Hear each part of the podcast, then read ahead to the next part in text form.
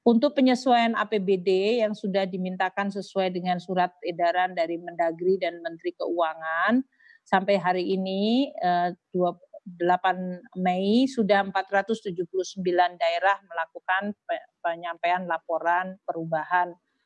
Dan yang belum menyampaikan laporan tinggal 64 daerah dan Pemda yang telah memenuhi kriteria 189 yang dikenakan sanksi penundaan penyaluran DAU eh, adalah 353 daerah. Kita berharap mereka segera melakukan perubahan APBD-nya di dalam rangka penanganan COVID.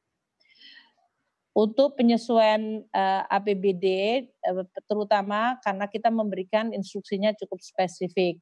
Pertama, penurunan belanja barang diminta untuk uh, dilakukan uh, paling tidak minimal 50% dan belanja modal juga minimal 50% serta belanja lainnya. Saat ini yang kita bisa rekam, penurunan belanja barang adalah dari 24,8 persen menjadi 20,86 persen.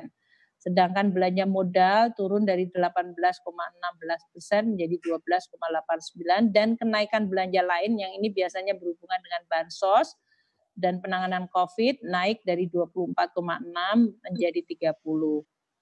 Total belanja yang direalokasikan untuk COVID dari APBD itu sudah mencapai 51 triliun.